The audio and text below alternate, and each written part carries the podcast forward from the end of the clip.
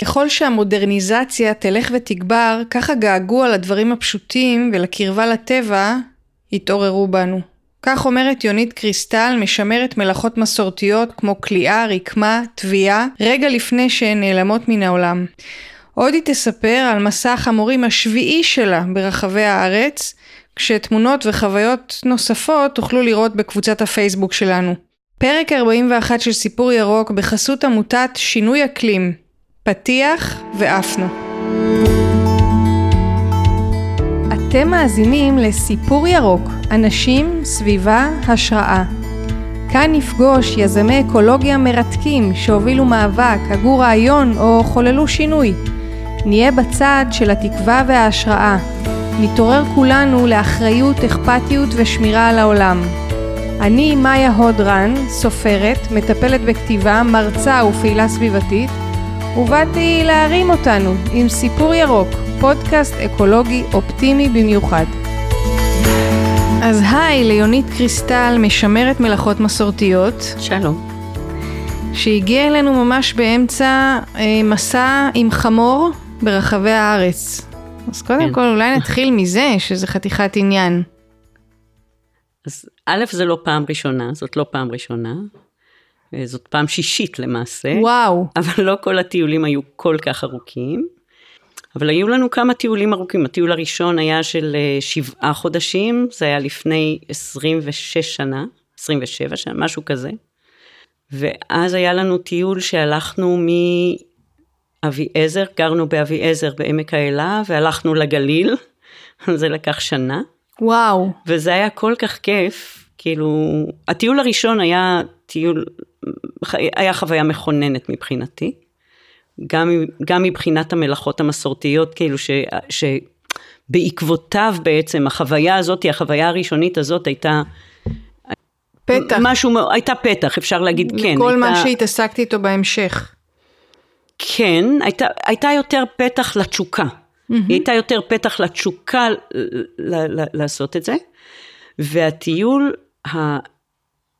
זה שאני, שהוא לא היה השני, באמצע היו עוד כמה קצרים, אבל הטיול הגדול אמ, מאביעזר לגליל היה, כיוון שרציתי לחזור בעצם על אותה חוויה של לשבת עם בעלת מלאכה ולעשות, ולא מצאתי, זה מה שגרם לי להחליט בסופו של הטיול, שאני מקדישה את המשך חיי לשימור מלאכות מסורתיות. וואו, איזה החלטה. אז היה, כן, זאת הייתה החלטה מאוד משמעותית כמובן. אז רגע, לפני שנגיע לזה, תגידי איך זה קורה מבחינה טכנית, אתם הולכים? כן, והחמור כל... לא, אתם לא רוכבים על לא, החמור. לא. את ובן זוגך, נכון? והבן שלנו, עכשיו גם אנחנו שלושה. כן. כאילו, בן זוגי ואני והבן שלנו. שבן כמה הוא? בן 19 וחצי, הוא כמעט בן 20.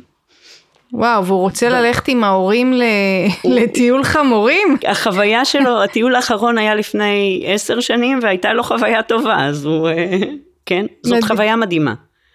עכשיו, אני אני באמת, כשאני אני שמתי לב שכשאני אומרת, כן, אנחנו הולכים עם חמור ועגלה, אז אנשים יש להם איזה דימוי אולי של העגלות של הצוענים, כי עם הסוסים שסוחבים עגלה, אה, עגלה שאפשר לחיות בה. לא, העגלה שלנו היא קטנה, היא מטר וחצי על שמונים, משהו כזה.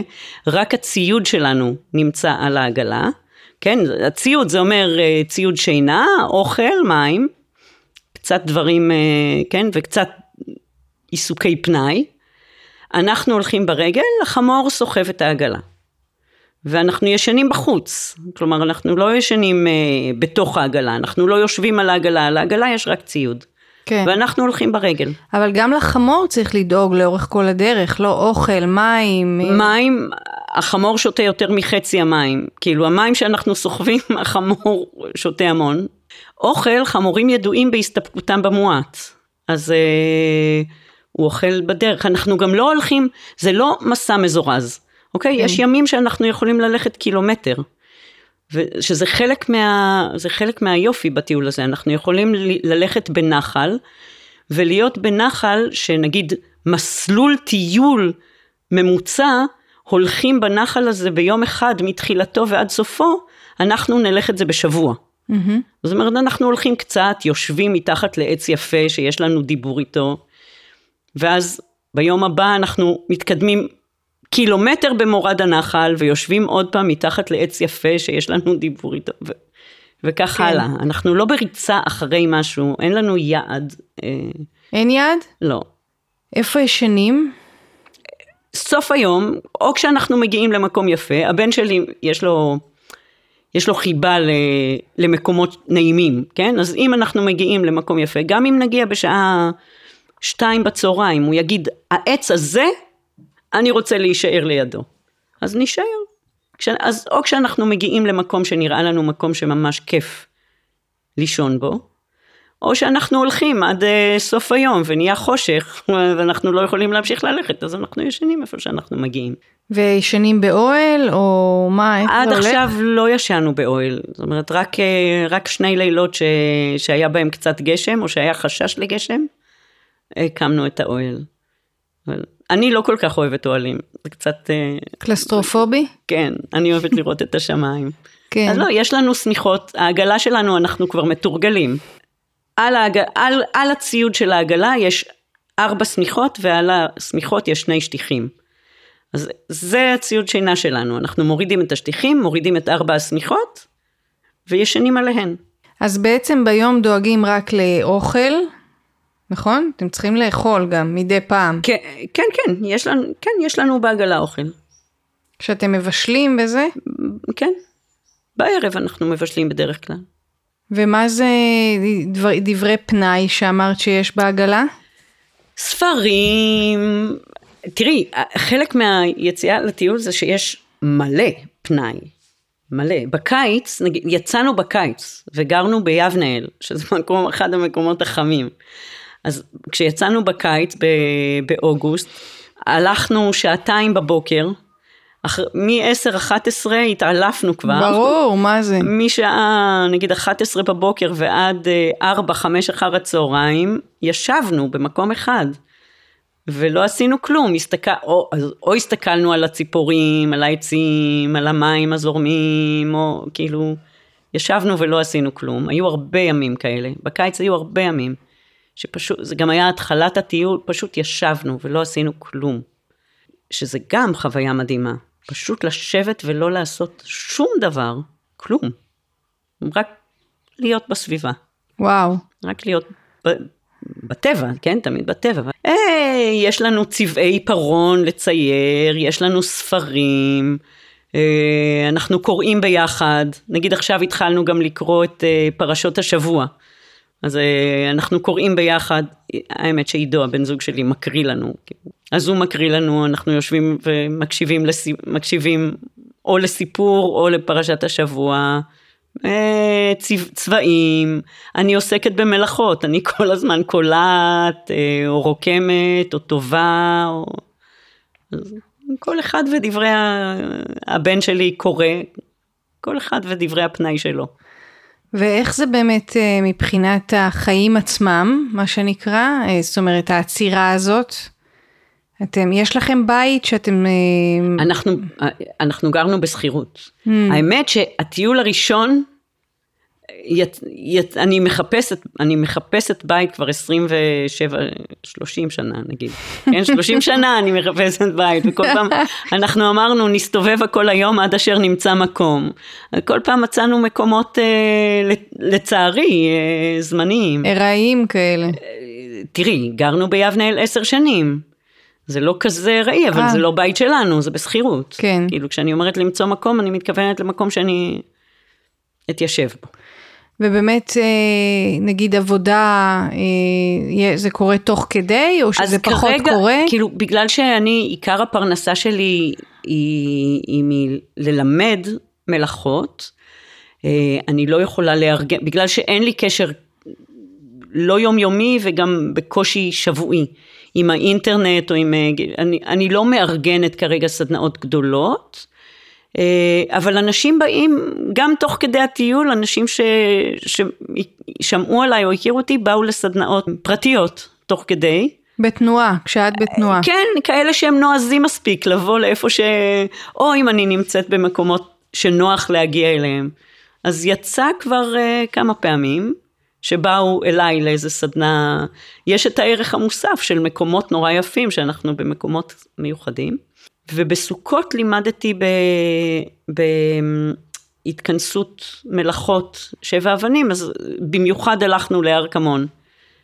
לא היינו עולים על ההר הזה, אלמלא הייתה, אלמלא הייתה לי שם עבודה. כן. ומדי פעם מזמינים אותי, כאילו מדי פעם אני נוסעת לעבוד, אבל מעט מאוד. כן. לא צריך הרבה. חלק מהעניין הוא שבטיול כזה אין לנו כמעט הוצאות. התחלת להגיד, החמור, כאילו, האוכל, ש... אנחנו לא, זה לא כמו סוס, לא צריך לקנות לו אוכל אה, מיוחד. כן. כן, רוב מה שהוא אוכל זה את העשב שמסביב, אבל אנחנו כן קונים לו שק של, אה, של שעורה, וגם האוכל שלנו לא יקר. כן. ההוצאות שלנו, אני משערת שכל ההוצאות שלנו לא עולות על 1,500 שקל בחודש. וואו, זה זה, לא. זה לא ייאמן, אה? אז זה ייאמן, כי אני זוכרת את זה מטיולים קודמים. אוקיי, כי, ועכשיו... כי באמת, מה בן אדם צריך? מה בן אדם צריך? אני, זה אחד מהדברים שבעיניי מכניס לפרופורציות. אני מאושרת בטיול הזה כמו שלא הייתי הרבה זמן. כן, זה, זה כל כך ממחיש את הדבר הזה שהצרכים שלנו הם לא כספיים בכלל, הם לא, הדברים שגורמים לנו לאושר הם לא, לא קשורים לכסף. כן. אז נכון, אנחנו, גם כשגרנו בבית, אנחנו, כאילו, אורח החיים שלנו הוא מסתפק במועט. כאילו, אנחנו לא סתם אה, מחבבים חמורים, כן. שמסתפקים במועט. אה, כאילו, אף פעם לא היינו, כאילו, אני מעולם לא הייתי חלק מתרבות הצריכה, כן? גם בבית ההוצאות שלנו היו מאוד מאוד נמוכות, מאוד נמוכות. כן. אבל בטיול זה, כן, אז בואי נגיד שאם עבדתי, כן, שאם עבדתי שבוע מרוכז מאוד, בסדר, זה לא קורה הרבה, אבל עבדתי שבוע מרוכז מאוד, ומה שהרווחתי יכול להספיק לנו למחיה לשלושה ארבעה חודשים. כן, זה, זה שם את הדברים בפרופורציות בצורה. ממש. וזה חופש, זה מדהים. אז בואי נחזור רגע ל- לרגע של הפתח הזה. איך זה קרה בטיול הקודם שהיה לפני כמה שנים? זה היה ב-95-96. וזה היה רק עם הבן זוג שלך? לא, היינו שלושה. אה, זה היה לפני, ש... לפני שהבת הבכורה שלי נולדה. וגם לא הייתה לנו עגלה. הלכנו ברגל מירושלים, והגענו במקרה לדרום הר חברון. אני חושבת שגם אז יצאנו ורק רצינו להסתובב, לא ידענו לאן נלך. אמ, אני כבר התעסקתי אז במלאכות, במלאכות יד. אני גם נולדתי לאימא שהיא מורה למלאכה ומורה להריגה, והתעסקתי במלאכות כל החיים שלי. אמ, אז כבר, כאילו, ועבדתי במקום שנקרא עין יעל בירושלים. אה, ולא הייתי כל כך מרוצה, כאילו, לא הייתי מרוצה כי בעין יעל זה, זה היה ברמה של ללמד ילדים דברים מאוד מאוד פשוטים. ומהירים. ו- ומהירים. ואני רציתי את הדבר האמיתי, רציתי לדעת איך באמת עשו את הדברים פעם. ואז הגעתי למישהי, תוך, עוד לפני הטיול, עוד לפני הטיול הגעתי למישהי בשם פייזה אבו עמרה, שהיא הייתה, היא נפטרה לפני שנתיים, לצערי הרב מאוד. אה, היא הייתה בנגב, היא הייתה הורגת אה, מאוד מאוד מיומנת. והגעתי אליה והיא לימדה אותי את ההריגה, אבל זה היה ביקור חפוז כזה, אף פעם לא עשיתי, אף פעם לא ישבתי ובאמת הרגתי. על נול? על נול קרקע. זה, הנול, נול קרקע זה אומר כמה יתדות באדמה. כאילו, כמה יתדות באדמה וכמה מקלות. זה מה שמאפשר, מאפשרים חיי נוודים. כן. כן, זאת אומרת, אין נול, זה לא משהו שסוחבים. כן, היא הייתה בדואית. כן, כן. כן, סליחה אם לא אמרתי. אה, בדואית משבט העזזמה. אז כן, תרגלתי, אבל כש, כשבטיול הזה מישהו אמר לנו, אני, אני כבר לא זוכרת איך, אבל מישהו אמר לנו שבסוסיא הקדומה מחפשים אנשים שככה אמרו לנו, שיגורו במערות וידגימו מלאכות, וידגימו מלאכות, משהו כזה. אז זה נשמע לי מתאים. מה זה סוסיא הקדומה? סליחה על ה... זה בדרום הר חברון. אה, זה מקום? כן, זאת עיר זאת עיר, קדום, עיר, אה, עיר יהודית קדומה, שיש בה, שם מערות, כאילו כל האזור הזה, אה, יש בו מערות, אבל הפלסטינים שג, של, שבאזור הזה גרו במערות האלה. כאילו נכנסנו כאן לסיפור פוליטי מור, מורכב, אבל באותו זמן לא ידעתי את זה. כאילו, וגם באותו זמן, זה היה קצת פחות מורכב אז. כן. זאת אומרת, מה שקרה זה שהגעתי לאתר, ואמרתי לה, כאילו, ואז ידענו, אוקיי, אז נלך לשם. זאת אומרת, כששמענו את זה, זה היה, הסיטואציה הייתה אחרת. נסענו לחברון לקנות ציוד לחמור, לאתון, אז הי, הייתה לנו אתון. קנינו את האתון בשוק בבית לחם. חש, חשוב אולי להגיד שעידו, הבן זוג שלי, מדבר ערבית מאוד טובה. ואז התקשורת, גם עם אנשים, עם ערבים שלא מדברים עברית, היא, היא הרבה יותר זורמת. כן. אמ, אז קנינו את האתון בבית לחם, בשוק. ואת הציוד אמרו לנו שיש בחברון, שבחברון הציוד הכי טוב לחמורים. אז נסענו לשוק בחברון לקנות ציוד, ושם אולי אמרו לנו, כאילו שם אמרו לנו, על... בקיצור החלטנו שאנחנו הולכים לסוסיה.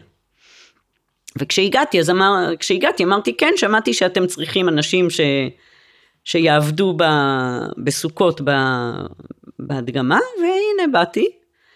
אה, ובאותו זמן עבדו, עבדו ערבים מהסביבה בתוך האתר, אה, ואחד מהם אמר לי, כן, דודה שלי, אה, דודה שלי הורגת עד היום הזה. ואז רכבנו על, ה, על האתון אליה, הוא עשה בינינו היכרות, ויום יום הייתי רוכבת על האתון שלי אליה, והיינו יושבות ביחד וטובות צמר. Uh, ובסופו של דבר היא באה איתי לאתר לעזור לי להקים את הנול. את הנול תמיד מקימים, מקימות בשתיים, כאילו צריך, בדרך כלל, כאילו, זה מאוד קשה לעשות את זה לבד, בדרך כלל עושות את זה שתיים או שלוש. אז היא עזרה לי להקים את הנול, והיא כאילו... התחברנו והתיידדנו וכך, שילמתי לה גם כמובן על זה שהיא, שהיא עזרה לי להקים את הנול, וישבתי והרגתי.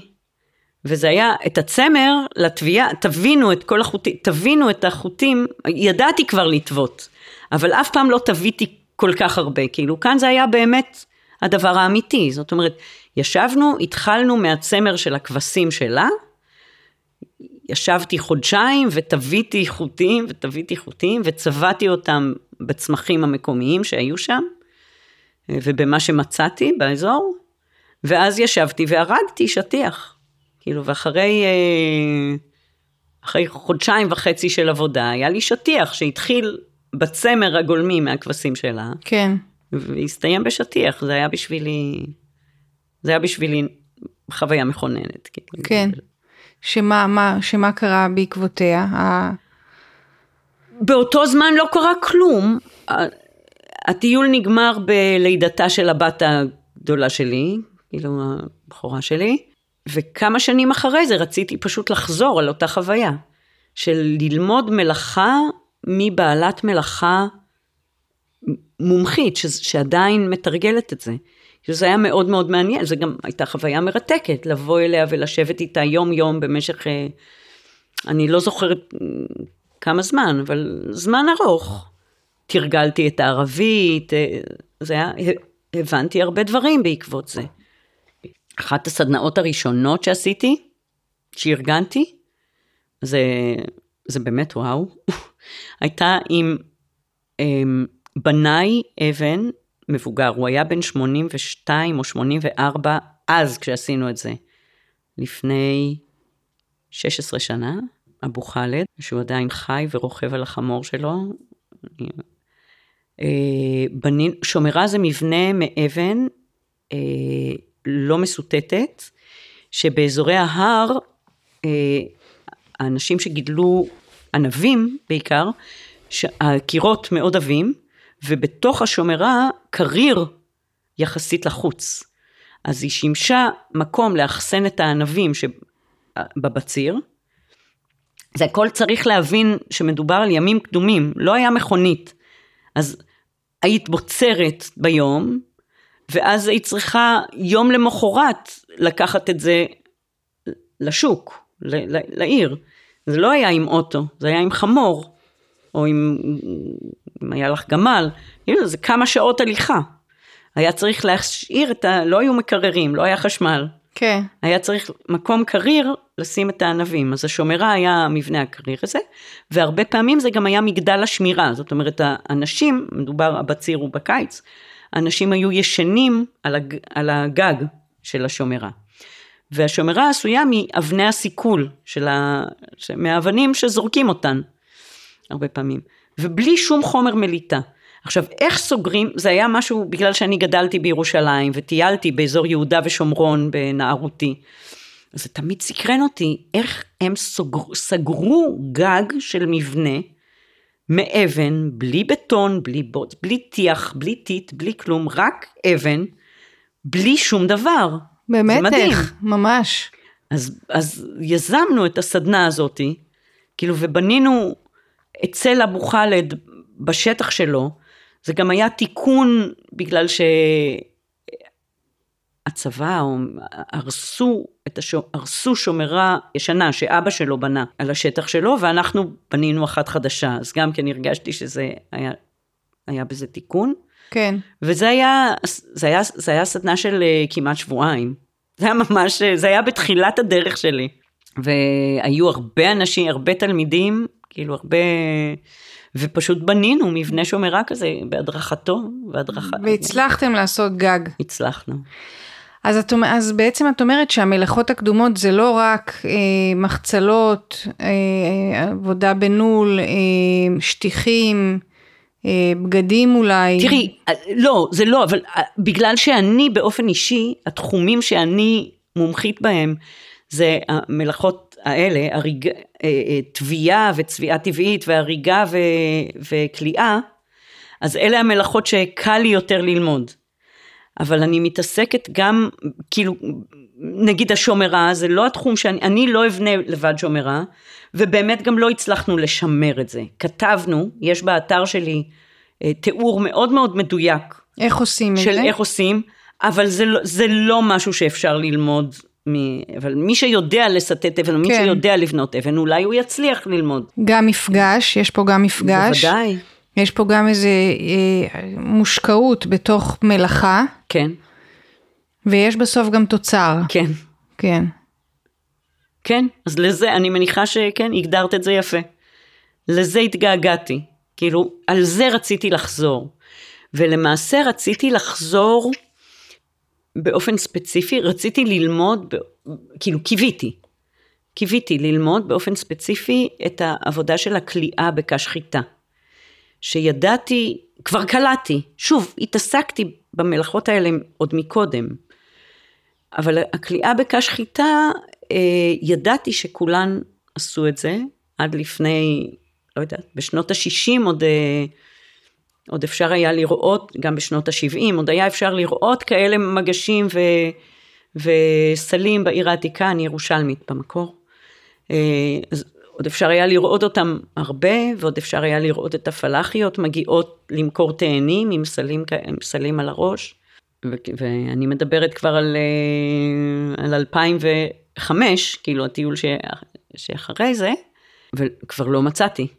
כאילו, אז א', הלכנו בשטחים של ישראל, כאילו, בלי ה... לא בשטחי הרשות. אה, סוסיה זה בדרום הר כן, כן. זה...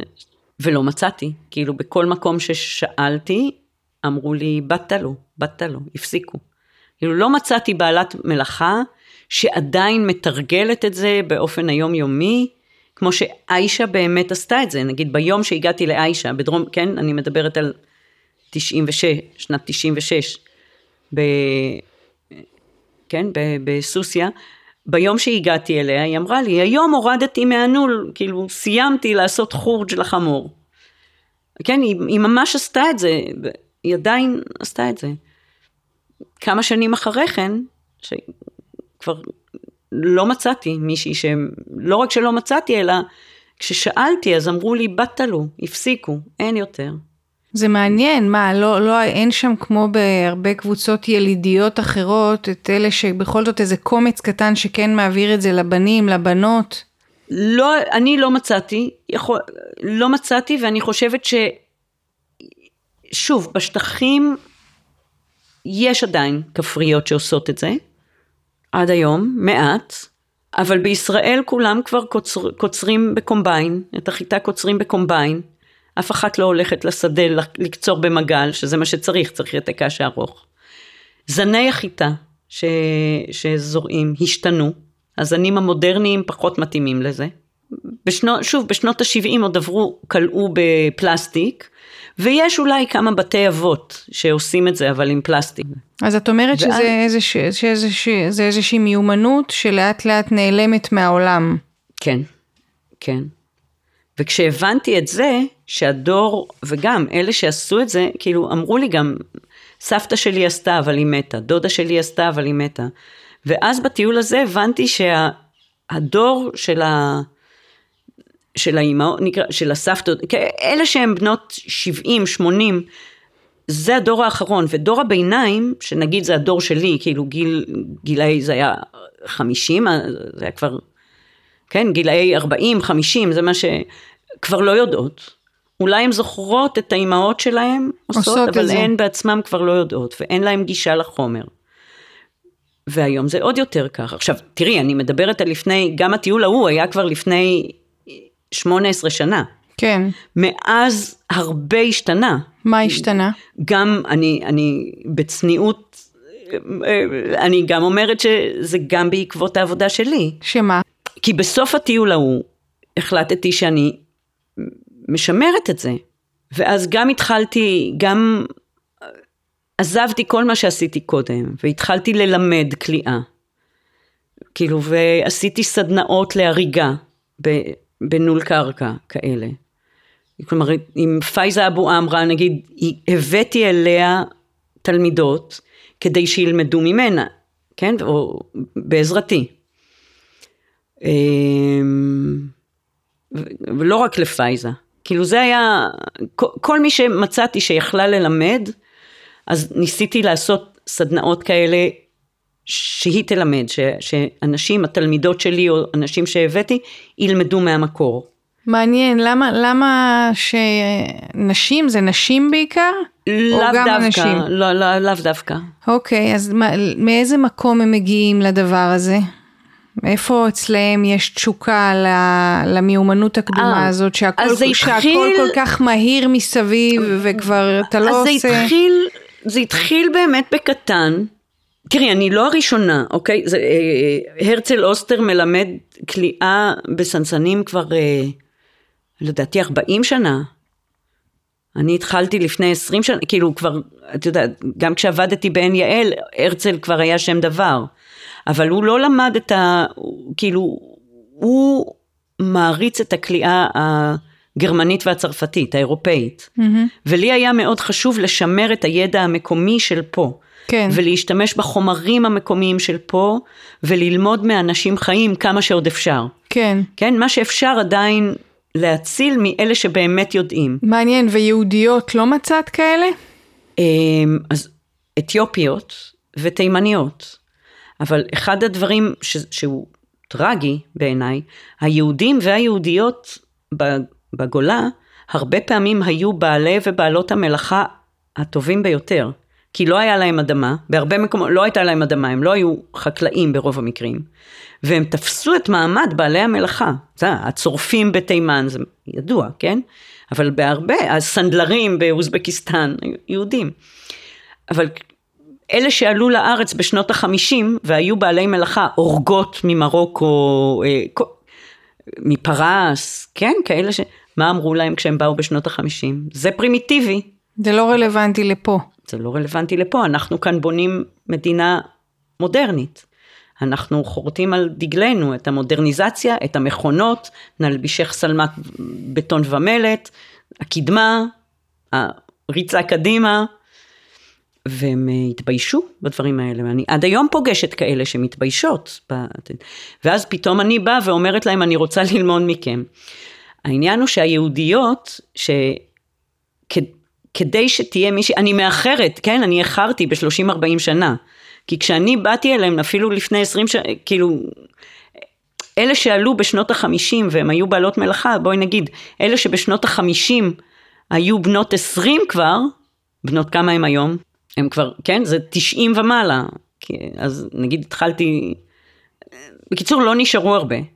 וגם החומרים, כאילו הרבה פעמים, נגיד הגעתי להורגת אחת, כשגרתי באביעזר, הייתה הורגת באדרת אה, מרוקאית שמאוד רציתי ללמוד ממנה, היא הייתה שם דבר. היא הייתה הורגת, היא, היא הייתה הורגת גאה, ולא היה לה נול. עכשיו הבן שלה יכול היה לבנות נול, הבן שלה היה מבוגר יחסית, הוא יכול היה לבנות נול והוא לא רצה, הוא לא הסכים. והיא לבד לא יכלה, כאילו לא, לא יכולנו לשחזר, היא לבד לא יכלה לשחזר ולתת לנו הוראות איך לבנות את הנול שלה. זה היה נול ייחודי. הוא לא הסכים בשום אופן. אז איזה, קודם כל זה, זה גם, זה יש בזה משהו באמת אה, מבאס ב, בשמיטה הזאת של היסטוריה מאוד אה, גם אה, יפה, יש פה גם את העניין שבאמת אתה, את מייצרת לעצמך את, כן. ה, את הדברים שלך מביגוד כן. ועד שטיח ומה שאמרת נגיד כן. לחמור או לסוס.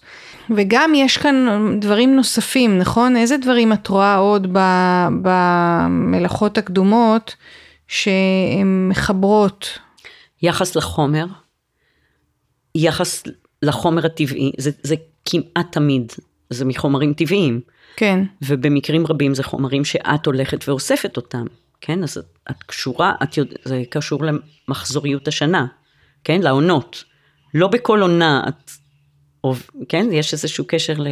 אז זה קשר לבעלי החיים, או לצמחים שמהם את, אה, מהם את לוקחת את חומרי הגלם.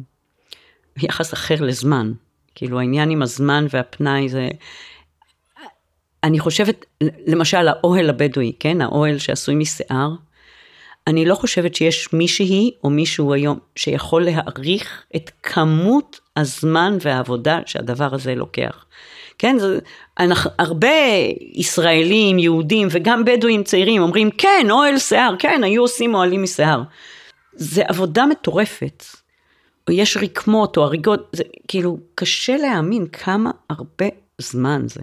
כן. כמה הרבה זמן זה. שהיום אין אותו לרובנו, זאת אומרת שרובנו אה, לא נעצרים לעשות את ה... להכין את הדברים שאנחנו משתמשים בהם לא בחיים. לא את אלה שלוקחים כל כך הרבה זמן, אבל אני חושבת שכשהתחלתי ללמד, ב, כאילו כש, כשהתחלתי ללמד, אז uh, ממש ראיתי את זה, את ההשפעה המיטיבה של הדבר הזה. על מה? על, ה, על הנפש. על מה? הנפש של אנשים ש... אנשים ונשים שמתעסקים ומתעסקות במלאכות האלה, חוות ריפוי, כאילו באיזשהו, חוות גם שקט עמוק.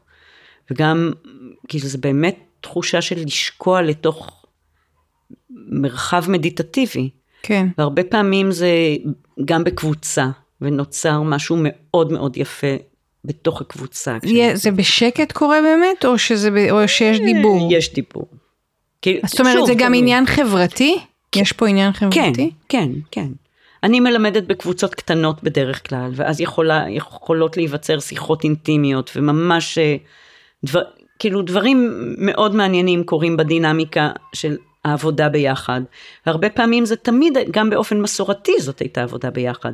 נגיד חאולה, שממנה למדתי בסופו של דבר את הכליאה בקש חיטה, בסופו של אותו טיול, כן קרו כמה דברים. אמרתי לך שאנחנו עכשיו סוגרים מעגל. אנחנו קצת חוזרים בחלק מה, מהזה על, על, למקומות שהיינו בהם לפני 18 שנה. כרגע אנחנו בטבש, שזה מעל נחל ציפורי, ולפני 18 שנה היינו שם באביב המאוחר, ממש בשבועות, בחג שבועות. והבן אדם שאצלו התארחנו, הזמין אותנו לשפרעם לאכול גלידה.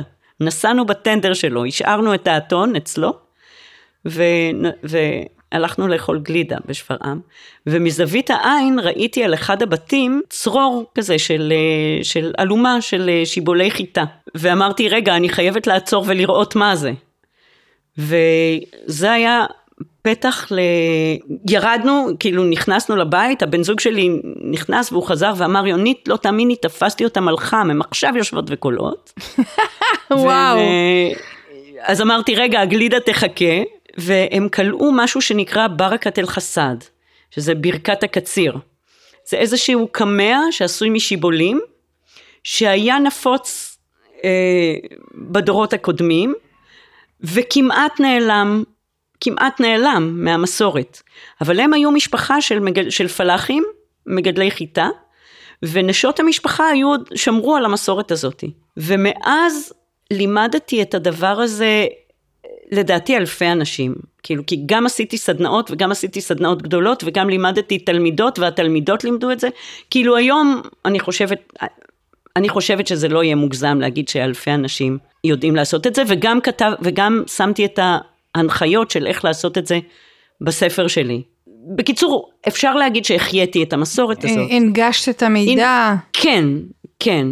עכשיו עוד פעם, זה לא שהייתי הראשונה שעשיתי את זה, כי, אני, כי פגשתי, עוד לפניי הייתה מישהי שלמדה את זה מספר, אה, מספר באנגלית, אה, אבל היא עשתה את זה כמה שנים והיא לא לימדה. ואיכשהו הזמן היה, הזמן היה מתאים, שאלת אותי קודם על, אה, על מה קרה בשמונה עשרה שנה האלה, אז אני מרגישה שבסיום הטיול, כשהחלטתי לעזוב הכל ולהתמסר לשימור מלאכות מסורתיות, זה היה צעד מאוד אמיץ, גם מבחינת פרנסה, כאילו כן. איך... אה, ואנשים אמרו לי, מה, את משוגעת? סגרתי עסק, היה לי עסק של מנשאי תינוקות, וסגרתי אותו. אמרתי, לא, אני רוצה להתמסר לעניין הזה של שימור מלאכות. חשוב לי להסביר שלהתמסר לשימור מלאכות, הרעיון הוא כמה שיותר ללמוד, לאו דווקא, כאילו, אז באמת באותן שנים גרנו בלוטם, והשתדלנו מאוד, בן הזוג שלי עזר לי מאוד מאוד, כאילו הוא גם עזר, אותי, עזר לי וגם דרבן אותי, להסתובב ולחפש בעלי מלאכה או בעלות מלאכה שעדיין יכולים ללמד אותי. כי מדובר על אנשים שהיו בני 70 ומעלה, כן? הצעירים יותר לא עשו את זה, לא עשו את זה כבר. וזה הרגע האחרון, זה באמת הרגע האחרון. רוב המורים והמורות שלי נפטרו היום. כן. אבל גם היה לי ברור שככל שהמודרניזציה תלך ותגבר, הגעגוע לדברים הפשוטים והאמיתיים והקרובים לטבע, גם כן ילך ויגבר. כן. שזה מין תנועת מטוטלת כזאת. כי אפשר לראות את זה בהיסטוריה, אפשר לראות את זה.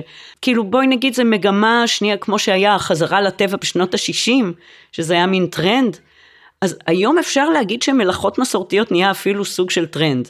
כן. אז אז מצד אחד זה משמח אותי, ומצד שני, זה מה שהתחלתי להגיד לך, המלאכות שנשמרות היום, המלאכות שדווקא מתורגלות, זה אלה שהן דווקא יותר מהירות. כאילו, המלאכות שדורשות התמסרות שהיא, אני לא יודעת איך, בלתי נתפסת, אלה פחות נשמרות. כמו כמה חודשים לבנות עכשיו אה, מאהל בדואי משיער. כן, כן, כן, אז אה, באמת כן. אני, אני, אני מנסה לחשוב מי, מי יכול לעשות דבר כזה, לעצור את חייו לשלושה חודשים, אלא אם כן זה, זה שבט שהוא על זה. כן. זה יותר משלושה. לא, הבדואיות, אין בדואיות שטובות שיער עיזים ועושות, כן, ובונות. אה, כבר כאילו, אין. לא. את יודעת, גם הם הם גרים, הם גרים היום בבתים שעשויים מצין, כן, מפחונים או מלוחות מבודדים או מקרשים או משהו כזה. את לא רואה, ואם זה אוהלים, כאילו אם זה בקיץ אוהלים, אז, אז זה משקים, משקי ניילון. או משקים, כן, זה, כן. את לא רואה כבר אוהלי שיער. כן. וגם בירדן, שיש אוהלי שיער, הרבה מהם מיובאים מטורקיה שנעשים כבר בנולים אה, ממוכנים. לא, זה עבודה מטורפת, אין סיבה לעשות את זה אם יש לך תחליף. את כן, מבינה? זה, לא כן. לא משהו ש, זה לא משהו שמישהי עושה בשביל הכיף. כן. לעומת זה, אלה, ש, אלה שבאות היום ללמוד ממני ומי שכמותי, באות ובאים בשביל הכיף, בשביל הפנאי. כן. זה הפך מכורח, מצורך קיומי, זה הפך לתחביב. כן. יש לי איזה פנטזיה לבנות אוהל בדואי כזה בעבודה משותפת של יהודיות וערביות. אבל זה משהו שהיום צריך תקציב. וגם כשאני למדתי, כאילו כש... אז לא ש... בדרך כלל לא שילמתי בכסף האנשים שלימדו אותי, הם לא רצו כסף. אני זוכרת מקרה אחד, ששילמתי למישהו בכסף. אבל הייתי מביאה להם מתנות, וגם הלימוד לא היה במפגש אחד.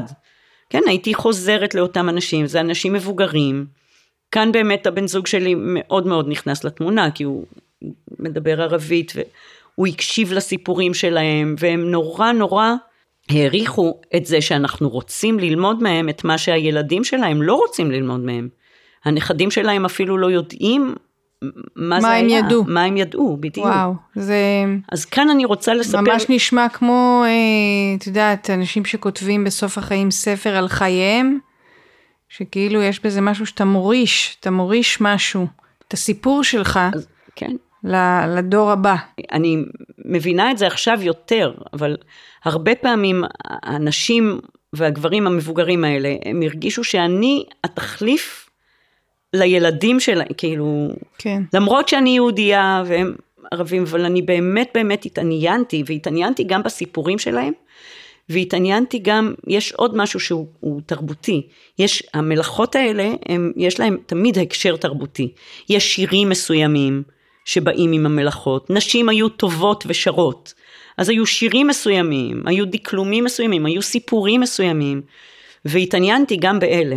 עכשיו, לא עשיתי עבודה סופר מקיף, כאילו לא יכולתי להתמקד על הכל, אבל בספר שכתבתי, כאילו, את הספר כתבתי רק על כליאה, וזה גם כן בגלל שבעין יעל המנהל ביקש ממני לכתוב חוברת קטנה על כליאה, אז, מזה צמח ספר שלם, בסופו של דבר בעין יעל היה משבר ולא יכלו לתמוך בי, והמשכתי לבד, זה לקח לי 15 שנים, כאילו וואו. לאסוף את החומר, ועשיתי את זה על חשבוני ובעצמי. אבל זה ספר שהוא הוא באמת משמר דברים שאלמלא הייתי כותבת אותם, הם היו נעלמים. חלקם הגדול. ועכשיו, לפני שבועיים אולי, הגענו לטמרה. דיברנו עם מישהו שהבן זוג שלי הכיר, שהוא סופר, הוא, הוא, הוא כתב ספר, והתחלנו לדבר, הוא רוצה לתרגם את הספר שלו לעברית, ואני אמרתי, תראה, אני גם כתבתי ספר על כליאה ואני רוצה לתרגם אותו לערבית, ו... ונתתי לו את הספר במתנה, ואמרתי לו, תראה, אם נהיה בטמרה, הוא אמר לנו, בואו תתארחו אצלי. ואמרתי, וואו, אם אנחנו מתארחים בטמרה, אז בכבול, שזה הכפר הסמוך, יש זוג שלמדתי מהם את אה, אה, הריגת המחצלות. איכשהו אנחנו עברנו מלוטם ליבנה, כשהתחלתי, כשלמדתי את המחצלות, גרנו בלוטם, כשהוצאתי את הספר גרתי ביבנאל. רוב האנשים ש, שצילמתי לספר ושלמדתי מהם, אני מזכירה אותם בשמותיהם, אבל צלצלתי להם לבקש רשות, את, את רשותם, ואותם לא מצאתי. לא יד... כאילו, עבדו לי עקבותיהם איכשהו, לא היה לי את הטלפון, לא זכרתי איפה בדיוק הם גרים, ולקחתי סיכון ושמתי את הצילום שלהם בספר, בלי לשאול את רשות, רשותם. לא. זה, זה לא בסדר, היו לי על זה, כאילו, היו לי על זה איסורי מצפון. אמרתי לו, תראה, אני מרגישה לא נוח, אבל בכל מקרה אני רוצה לבוא אליהם, ול... ואם הם חיים, לא ידעתי אם הם חיים או מתים, או... ואני רוצה לתת להם ספר, כאילו אני רוצה, לה, כאילו אני רוצה לתקן, את ה, לתקן את המעוות. בקיצור, תוך חצי יום הוא איתר אותם. הוא צילם את, ה, את התמונה מהספר, ושלח אותה לאיזה קבוצת, קבוצת וואטסאפ מקומית, ואמרו לו, כן, זה ההורים של פריד מהפלאפל, מהפלאפל המפורסם בכבול. ויום אחרי זה הוא לקח אותנו אליהם. האבא הוא, כאילו, אבא של פריד, הוא במצב לא טוב, הוא חולה, אבל הוא שוכב במיטה, הוא לא, הוא לא, לא, לא קם מהמיטה, אבל uh, האימא לגמרי חדה וצלולה, והם זכרו אותנו, וכמו שהמפגש איתם היה לנו משמעותי, הוא כנראה, אני לא הבנתי את זה, אבל הוא היה נורא נורא משמעותי להם. איזה יופי. והם סיפרו את זה, והם נורא התרגשו לראות אותנו, והם נורא התרגשו לראות את הספר, לא, לא היה אכפת להם בכלל, להפך, הם נורא התגאו בזה ש... והיא ביקשה, לא היה לי, אנחנו על החמור, אני לא יכולה לסחור, את הספר היחיד שהיה לי נתתי ליוסף, זה ש... אבל אמרתי לה, אנחנו, אנחנו נלך ונביא לך ספר, כאילו, נסעתי במיוחד לאיפה ש... לאיפה שיש לי ספרים, וכמה ימים אחרי זה חזרתי והבאתי לה, כאילו הבאתי לה ספרים, הבאתי לה ספר ש... שיהיה גם לנכדים, והיא הבינה את העניין הזה של ה...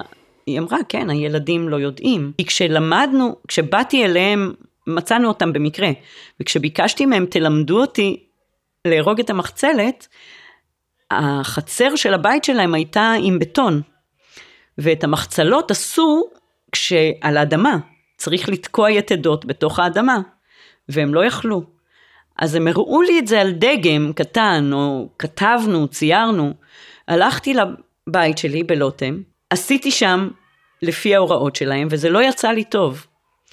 ואז חזרתי אליהם ואמרתי, תראו, זה גם לא יצא לי טוב, וזה גם לקח המון זמן לעשות את זה. והם אמרו, מה? ב-20 דקות אנחנו מותחים מחצלת באורך של שלושה מטר. אמרתי, איך? התחיל רבקום, בואו, אנחנו ניקח אתכם, אתם מוכנים לבוא אלינו לחצר בלוטם ולהראות לנו? עכשיו, גם הם, זה לא שהם תרגלו, ש... זה לא שהם תרגלו, את המחצלת האחרונה שלהם, הם עשו, לפ... כן, ב... ב... באמצע שנות ה-60. זה כבר אז היה 40 שנה שהם לא כן, לא עשו מחצלות. כן. כן, ברגע ש... וצריך לזכור שהעבודות האלה אף פעם לא... זה היו עבודות שאנשים התפרנסו מהם, אבל בצנעה. כאילו זה לא, אף פעם הם לא, זה לא משהו, זה לא נחשב לאומנות, זה לא, המחצלות היה הדבר הכי זול, בכל בית ערבי הייתה מחצלת. זה משהו שימושי. זה משהו שימושי, אבל ש... ברגע שהגברים, ברגע שהממשל הצבאי ב-66, והגברים היו יכולים לצאת מהכפרים שלהם ולעבוד בעבודות רווחיות יותר, הם עבדו בעבודות רווחיות יותר, וב-67 כשנכנסה תוצרת זולה מהשטחים, אז בכלל לערבים בארץ לא היה סיבה להמשיך לעשות את הדברים האלה. כן. ואז כאילו גם הם בעצם הפסיקו, ואני בעצם באתי וביקשתי מהם ללמד אותי משהו שהם לא עשו 40 שנה. אז היו דברים שהם שכחו, בטח. ורק כשהם באו והחומר היה בידיים שלהם, הם נזכרו להגיד לי. בטח זה, זה נורא מרגש, אתה פתאום, קודם כל שמישהו מתעניין בזה. כן. דבר שני, שוב אני אומרת, העניין הזה שלא ישכחו את זה, שהידיעה כן. הזאת שאני מוסרת את כן. הסיפור למישהו, כן. וככה הוא ישתמר. כן, כן, זאת המלאכה עצמה, זה הידיים. כן. כאילו, זה לא כמו שיר או תפילה, שאפשר להעביר את המסורת יחסית בקלות. אתה חייב לעשות את את זה. את חייבת לעשות, את חייבת לדעת לקצור את הסוף. את צריכה לדעת באיזה עונה לקצור את הסוף. את צריכה לדעת איך לייבש את הסוף.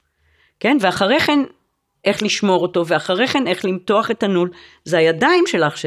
שזוכרות. מיומנות עם הרבה פרטים, עם הרבה כן, ידע. כן. כן. ועכשיו הספר, אבל בספר עשיתי עבודה מספיק טובה, ש... כי כתבתי את הספר מתוך מטרה לשמר את הידע. זאת אומרת, אז תיארתי את זה עם צילומים, אז זה בזכות באמת היום יש את האופציה, גם צילומים וגם ציורים, ככה שגם אנשים, שאנשים שקוראים את הספר בעיון יכולים ללמוד ממנו. והיא הבינה את זה. כאילו היא הבינה, היא ראתה את הצילומים בספר, היא הבינה ש... שאם הבנות הנכדה שלה ירצו אחרי מותה לעשות מחצלת, הם ידעו. אני רוצה לשאול אם יש לך, אני מבינה שהעיסוק שלך במלאכות המקומיות ובחומרים המקומיים הוא מאוד חשוב, וגם יש פה אלמנט של משהו חברתי, יש פה לג... אמירה חברתית לגמרי, מאוד חזקה. לגמרי. בכל זאת רציתי לשאול אם היה לך פעם קשר עם אה, מלאכות קדומות שקשורות למסורות ממקומות אחרים, נגיד מדרום אמריקה, באבוריג'ינים. קצת, אבל זה לא... זה לא עניין זה... שלך. לא, אני, תראי, גם המלאכות בארץ הן יריעה גדולה מדי בשביל... כן, הבנתי, את רוצה בשביל... להתמקד.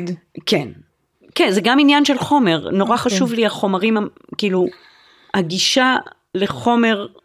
מקומי. שאפשר, מקומי, לחומר שאני יכולה, שאני לא צריכה לקנות אותו ואני לא צריכה לייבא אותו, כן, אם אנחנו מדברות על ההקשר האקולוגי, כן? כן.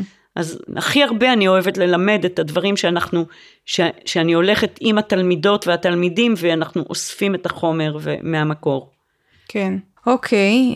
וגם אני רוצה לשאול, האם היה איזשהו קושי בדרך עם עצמך, או עם המפגש עם הידע הזה, שאת יכולה לספר עליו? זה הליכה נגד הזרם, אוקיי? כי מה שאמרתי, מדינת ישראל קמה כמדינה אה, מודרנית, ואני, ושחרתה על דגלה את המודרניות, ואני באה ואומרת, יש ערך בללמוד את הדברים שאתם, אתם כאילו מוסדות המדינה, אבל בואי נגיד אפילו אם ניקח את האתיופיות היום, או האתיופים שבאים, במרכזי הקליטה מנסים להשכיח מהם את כל מה שהם ידעו וללמד אותם איך להיות ישראלים מודרניים. כן. ואני באה ואומרת את הדבר ההפוך, לא, אני רוצה לז... לשמוע מכם את מה שרוצים להשכיח מכם. כן. היה לי נורא חשוב להביא את התלמידות והתלמידים אל המורים והמורות, בעיקר מורות, נגיד הבדואיות, שהן תרגשנה נוח, שהם יהיו במגרש שלהם. אני אף פעם לא הבאתי מישהי משם, מהבית שלה, לבוא ללמד במקום אחר. זה, כאילו, ורציתי לתת להם את הכבוד שלהם, שהן תהיינה המארחות, שהן תהיינה במגרש הביתי, וש, ויש, בזה גם, יש אמירה חברתית מאוד חזקה. אנחנו, כביכול התרבות ההגמונית, כן? אנחנו באות אלייך הביתה כדי ללמוד ממך. אנחנו באות לשמוע ממך על התרבות שלך. זה מאוד נגד הזרם. היום יש יותר ויותר, כאילו, כשהתחלתי עם זה לפני 17 שנה, אני חושבת, לפני 17 שנה, אני חושבת עשיתי את הסדנה הראשונה באוג'ה, זה היה ממש כאילו, זה באמת היה פורץ דרך. היום זה קורה, אני רואה, כאילו יש כאלה שזה נהיה יותר ויותר. כן. כל הרעיון של סדנאות ושל ללמד הוא נהיה יותר ו... כן. אז אני, אני רוצה לשאול גם בהקשר של המסע הזה, האם במסע יש לך לפעמים רגעים של קושי, של אה, רצון לעזוב את זה? אה, יש רגעים כאלה או שאת... תראי, יש, יש קושי פיזי, ברור. לעלות על הר כמון היה ממש קשה, כאילו דחפנו, כש... בעליות אנחנו עוזרים לחמור, כאילו בעליות החמור מתאמץ לסחוב את העגלה ולפעמים זה למעלה מכוחותיו, ואנחנו דוחפים ממש, מתאמצים ממש. אז קושי פיזי יש, בסוף יום, כאילו בסוף יום הליכה אני יכולה להיות מאוד כאילו עייפה. אה, בסוף, בקיץ היה חום תופת, כאילו אם אנחנו שבוע בלי מקלחת, ב, בלי מים, כאילו בחום, יש קושי פיזי.